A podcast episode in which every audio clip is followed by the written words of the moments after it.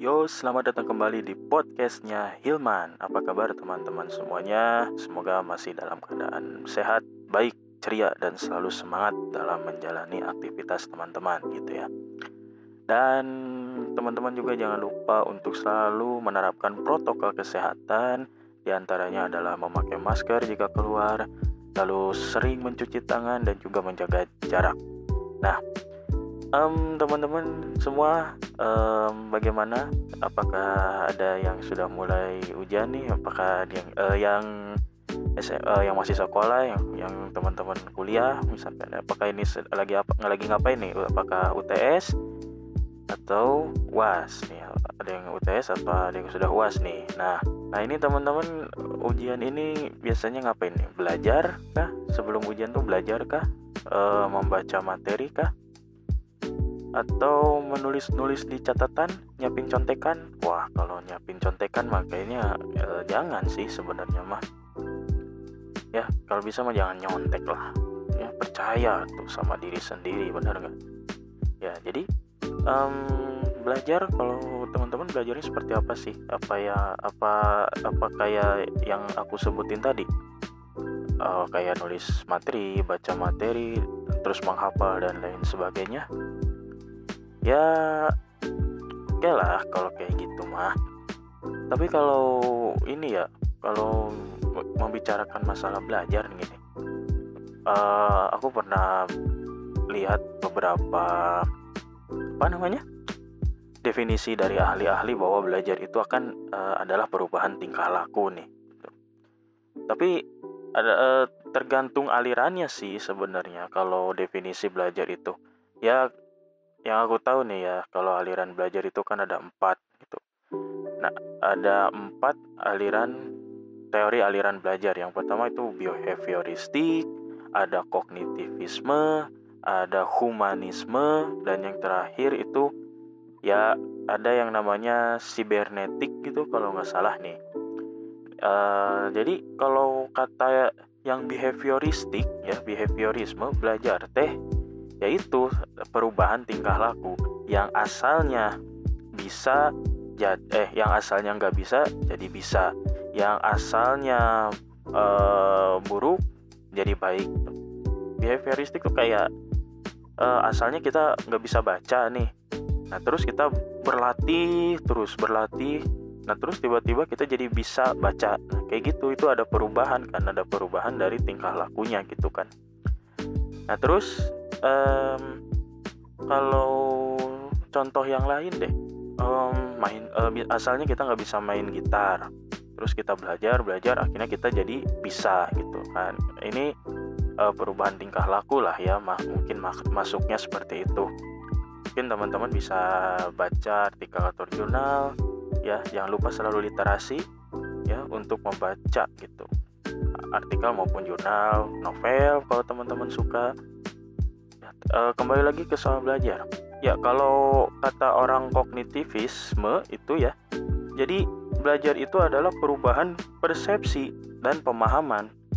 Yang mana um, apa asumsi dasarnya jadi setiap orang itu punya pengalaman dan pengetahuan gitu di dalam dirinya. Jadi um, proses belajar itu akan berjalan baik katanya. Jika materi pelajaran yang baru beradaptasi secara klop dengan struktur kognitif yang sudah dimiliki oleh siswa gitu. Jadi eh, kayak gimana ya? Aku juga bingung sih kalau yang kognitivis. Apakah eh, maksudnya adalah eh, proses belajar itu akan lebih efektif ketika ketika dia itu nyambung dengan pemahaman awal mungkin ya maksudnya pemahaman awal yang dimiliki sama siswa itu uh, aku juga kurang ngerti sih ya. Terus katanya ada juga tadi uh, aliran yang ketiga berarti ya. Ada aliran yang namanya humanisme. Jadi kalau humanisme itu belajar itu kalau secara tujuan itu untuk memanusiakan manusia. Yang mana proses belajar itu ya akan disebut berhasil. Kalau misalkan si siswa itu telah atau kita itu telah memahami lingkungannya dan diri kita sendiri gitu. Nah, jadi uh, dalam proses belajarnya itu uh, kita harus berusaha agar kita itu mencapai aktualisasi diri dengan sebaik-baiknya gitu. Nah ini menurut uh, teori belajar humanistik memanusiakan manusia. Nah, terus uh, ada lagi yang namanya sibernetik. Jadi teori ini katanya mah belajar itu pengolahan informasi dari apa yang akan dipelajari siswa kayak gitu ya. Jadi eh, pengolahan informasinya. Jadi tergantung pada pengolahan informasi siswanya gitu. Ya itu aliran-aliran belajar sih. Jadi um, kalau aku sih lebih setuju ke yang kayak perubahan tingkah laku perubahan persepsi dan pemahaman kita berubah menjadi uh, ya berubah asalnya tahu jadi eh, tidak tahu jadi tahu gitu kan. Ya seperti itulah terus untuk mencapai aktualisasi diri kita yang sebenarnya itu namanya belajar oke okay, gitu aku setuju. Cuman kalau yang sibernetik ya mungkin ter belajar tergantung dari cara pengolahan informasi. Mungkin aku belum ngerti soal itu gitu. Kembali lagi ke belajar ini ini, teman-teman ketika belajar eh, biasanya apa sih eh, kendala teman-teman di saat belajar? Apakah apakah karena uh, apa nggak ngerti kah materinya atau gimana kendala belajar gitu? Atau kurang fokus atau kurang uh, semangat termotivasi dan lain sebagainya gitu? Ya ya aku juga kalau belajar sih ini aku cerita aja gitu. Kalau aku belajar ya memang sulit. Aku susah belajar gitu. Aku ini orangnya gampang ke distract. Ya gampang uh, hilang fokusnya gitu. Jadi um, gimana ya istilahnya? Jadi aku tuh kalau belajar tuh ya itu gak bisa diem.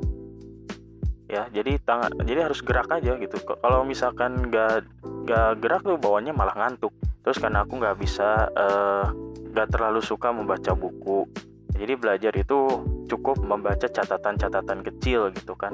Ya lebih lebih lebih simple dan tidak sebanyak buku jadi masih mending dibacanya gitu kan. Nah itu terus um, karena karena ini ya karena nggak fokus terus uh, ngantuk dan lain sebagainya uh, aku nonton beberapa video ya yang cukup menarik. Ada uh, yang di mana video itu tuh memberitahu uh, apa saja yang menyebabkan mungkin ya yang bisa yang apa saja sih yang memungkinkan menyebabkan kita kehilangan fokus kalau aku rangkum sih di antaranya itu karena adanya distraksi, sesuatu yang mendistraksi kita gitu. Oke lah, ketika aku baca itu uh, apa sih distraksi sebenarnya? Jadi distraksi distraksi itu sepengetahuan aku itu apa yang aku pahami ini Maya. Uh, jadi semacam gangguan satu hal yang bisa membuat kita malah berpaling gitu. Nah, asalnya kita belajar, nah ketika distraksi itu ada nah kita malah nggak langsung kita malah ke distraksi itu gitu malah kita malah ke distrak kita malah keganggu kan. Nah itu namanya distraksi gitu. Apa sih kalau menurutku apa sih yang paling ngedistraksi kita itu? Yaitu HP nih. Nah ini HP kalau uh, kalau menurutku sesuatu yang selalu mengganggu aku ketika belajar atau sesuatu yang bisa membuat aku hilang fokus saat belajar itu ini HP gitu. Nah um, karena apa karena HP ini merupakan sebuah apa ya kalau HP itu kalian tahu lah HP gitu kan. Banyak fitur di dalamnya. Dan fitur-fitur ini kadang kita suka pakai dengan jangka waktu yang lama kan. Sebut saja sosial media ya. Terus aplikasi menonton video musik dan lain sebagainya. Itu kan e, sesuatu yang bisa kita dapatkan dengan satu device yaitu HP kan. Nah, eh, distraksi ini selalu muncul ketika ya ini gitu ketika HP itu deket ada notif dikit main set gitu kan. Langsung main lagi HP dan terkadang gak sadar gitu ternyata main HP-nya tuh udah lama gitu. Cuma padahal jadi waktunya tuh habis cuma buat nyekrol nyekrol nyekrol nyekrol. Nah terus eh, dan aku pernah dengar juga kan eh, yang aku pernah tonton yang dan yang aku pahami bahwa HP ini juga atau sosial media weh ya sosial media di dalamnya itu kan merupakan sebuah uh, dopamin hit gitu ya. Jadi semacam uh, dopamin hit yang mana kita itu merasa senang aja gitu main ya gitu. Jadi kita bisa ke distraksi dalam waktu yang pertama ya karena kita senang di sini gitu senang di main HP-nya gitu. Sehingga kita tidak fokus terus kita tidak mengerjakan sesuatu yang harusnya kita kerjakan contohnya belajar tadi gitu kan misalnya. Ataupun kita jadi menunda hal-hal yang harusnya kita kerjakan. Mungkin kita punya deadline kita ha harusnya gini harusnya gitu tapi ternyata jadi apa jadi terdelay gara-gara kita main sosial media contohnya Ya ini menurut aku sih ya HP itu adalah sebuah distraksi mungkin ya ketika sedang bermain eh ketika sedang bermain. Jadi ketika sedang belajar gitu kan. Ya kalau kita ketemu teman gitu ya, kita nongkrong, kita apa gitu ya. Hal kita kadang juga main HP kan. Kita ke distract gitu padahal teman-teman kita itu di depan gitu kan. Lalu kita malah asik main HP sendiri. Nah, ini distraksi juga sih menurut aku gitu jadi ini sesuatu yang mengganggu fokus kita itu HP gitu. Lalu gimana sih cara ngilangin distraksi? Ya kalau aku sih aku lebih milih uh, buat nge-silent HP gitu. Nge-silent HP dari notifikasi-notifikasi uh, yang sekiranya dapat membuat uh, aku ke distraksi. Contohnya notifikasi WA, notifikasi uh, pesan, notifikasi Instagram dan lain-lain. Itu aku um, istilahnya apa uh, di, di di di silent di silent. Terus um, tadi juga kita membicarakan dopamin hit yang mana kita yang bikin kita kecanduan gitu main HP ya aku pasang timer gitu. Jadi um, aku pasang timer di setiap aplikasi yang sekiranya aku sering pakai lama gitu. Contoh YouTube. YouTube sering YouTube biasanya aku tonton uh, sekitar mungkin bisa sampai dua jam lebih per hari ya. Itu dua jam lebih per hari nonton YouTube doang. Nah aku bisa batasin itu jadi satu jam 30 menit. Dan ini membutuhkan komitmen sih teman-teman. Jadi kalau memang ingin tetap fokus jadi dan kita lebih fokus terhadap apa yang harusnya kita kerjakan ya kita harus bisa komitmen gitu untuk uh, menjauhkan diri kita dari HP sebanyak mungkin kalau memang tidak diperlukan gitu. Contohnya tadi aku uh, mencoba memasang timer aplikasi ya. Jadi contohnya uh, misalkan per harinya aku bi hanya bisa akses YouTube selama 1 jam 30 menit. Ataupun di Instagram uh, aku jadi bisa um, nge-timer akses uh, Instagram hanya 30 menit per hari dan itu benar sih butuh komitmen gitu. Aku aja gitu udah nerapin ini hampir uh, ya sebenarnya belum lama sih. Hmm, sebenarnya belum lama sih baru empat harian gitu. Hari-hari pertama masih bisa tapi hari-hari kedua udah itu jebol lagi. Dan ini benar sih teman-teman membutuhkan uh, komitmen yang um, komitmen yang sangat besar gitu kan tapi da, uh, kalau memang ini mau bantu kalian ya why not gitu kalau tidak dilaksanakan gitu. Coba aja dilakukan kan. Coba tahu ini bisa lebih membuat teman-teman fokus gitu terhadap apa yang harusnya dikerjakan. Ya jadi seperti itu gitu. Jadi hal-hal yang membuat teman-teman terdistraksi ketika belajar coba teman-teman uh, hilangkan atau jauhkanlah se uh, sejauh mungkin atau mungkin uh, buatlah teman-teman tidak memikirkan itu gitu. Ya kan kalau misalkan HP-nya di silent kan mungkin teman-teman gak akan mikir aduh ada apa ya di WA ada apa ya di IG ada apa ya di YouTube ada apa ya di Twitter gitu. Silent aja gitu. Terus um, teman-teman bisa terapin teknik-teknik belajar ya. Kalau aku sih cenderung nggak nerapin teknik belajar sih. Cuman ya teman terserah teman-teman mungkin gaya belajarnya nyamannya berapa gitu. Kalau aku sih pernah nerapin 30 menit buat fokus. Jadi HP itu benar-benar di silent tanpa notifikasi selama 30 menit. Dan itu aku fokus terhadap apa yang aku kerjain gitu. Dan ya aku internetan boleh selama itu masih ada hubungannya dengan um, dengan apa yang aku kerjain gitu. Kalaupun buka YouTube juga ya karena memang butuh dengan ininya ya boleh lah kayak gitu.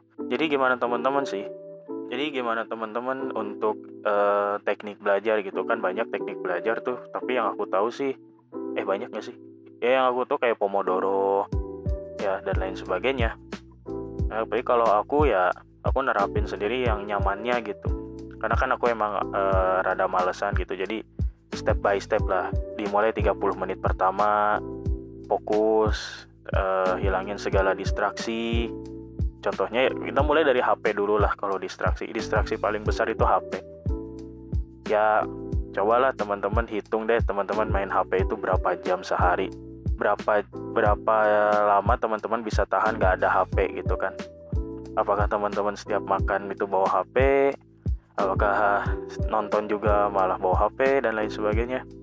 Itu berarti kan itu bisa jadi distraksi yang paling uh, besar gitu buat teman-teman kan HP itu sendiri gitu jadi dalam belajar ya kalau jadi kalau teman-teman ingin fokus belajar yaitu coba hilangkanlah distraksi dan cobalah untuk lebih fokus dan memprioritaskan apa yang harusnya teman-teman kerjakan gitu. Nah itu sih yang pernah aku baca gitu. Itu videonya bagus banget sih. Itu um, cukup uh, membantu lah gitu. Asal dengan komitmen komitmen teman-teman juga. Dan uh, dalam hal belajar pun gitu ya teman-teman tuh kalau belajar ya gimana ya? Ya biasanya sih kalau belajar sih aku juga kalau belajar dulu gitu ya harus minimal ngerjain soal ya. Tapi dah kalau ngerjain soal sambil ngelihat materi juga percuma. Ya makanya yang penting saat kita belajar tuh kita ngerti lah gitu kan.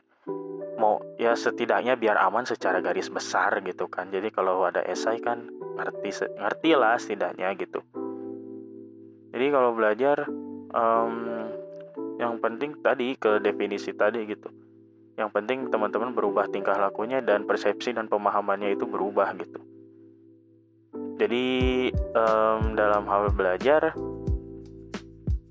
bukan hanya kita menulis buku di buku catatan kita membaca dari bab 1 sampai bab sekian terus kita berapa lama di sekolah dan lain sebagainya ya tapi belajar itu tergantung terhadap apa yang ada apa yang kita dapatkan berarti kan apa yang kita dapatkan ilmu apa yang kita uh, raih saat itu gitu kan.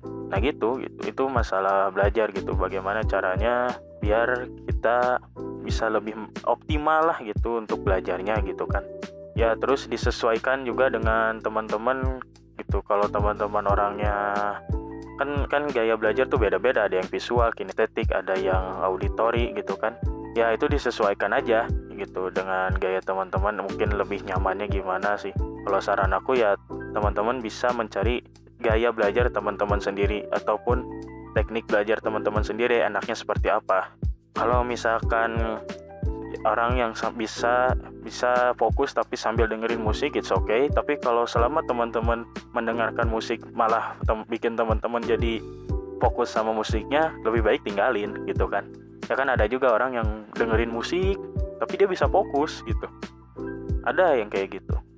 Ada orang yang uh, fokusnya apa ya? Ya cuma melihat dia fokus gitu tapi ada juga yang dia itu bisa fokus tapi emang nggak bisa diam aja gitu badannya itu gitu. Kayak kalau kayak aku sih gitu kalau aku gitu.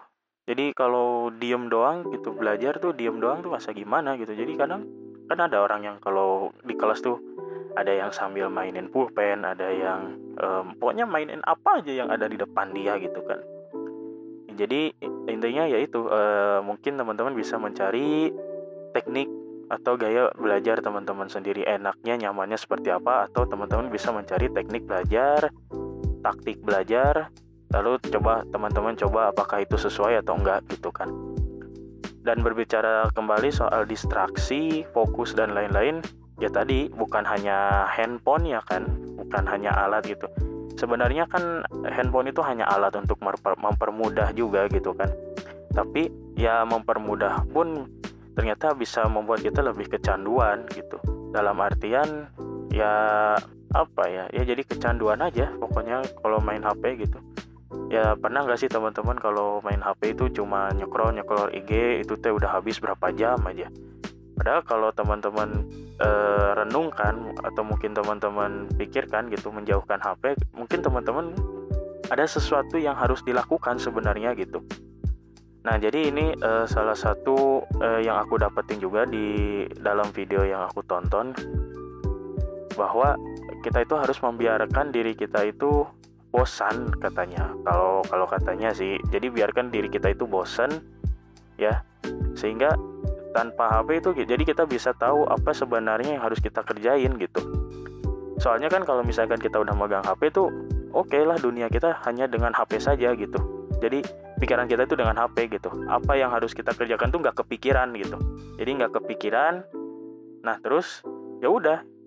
Jadi terus saya main HP gitu sampai capek. Kalau misalkan kita nggak main HP otomatis kan kita bosen.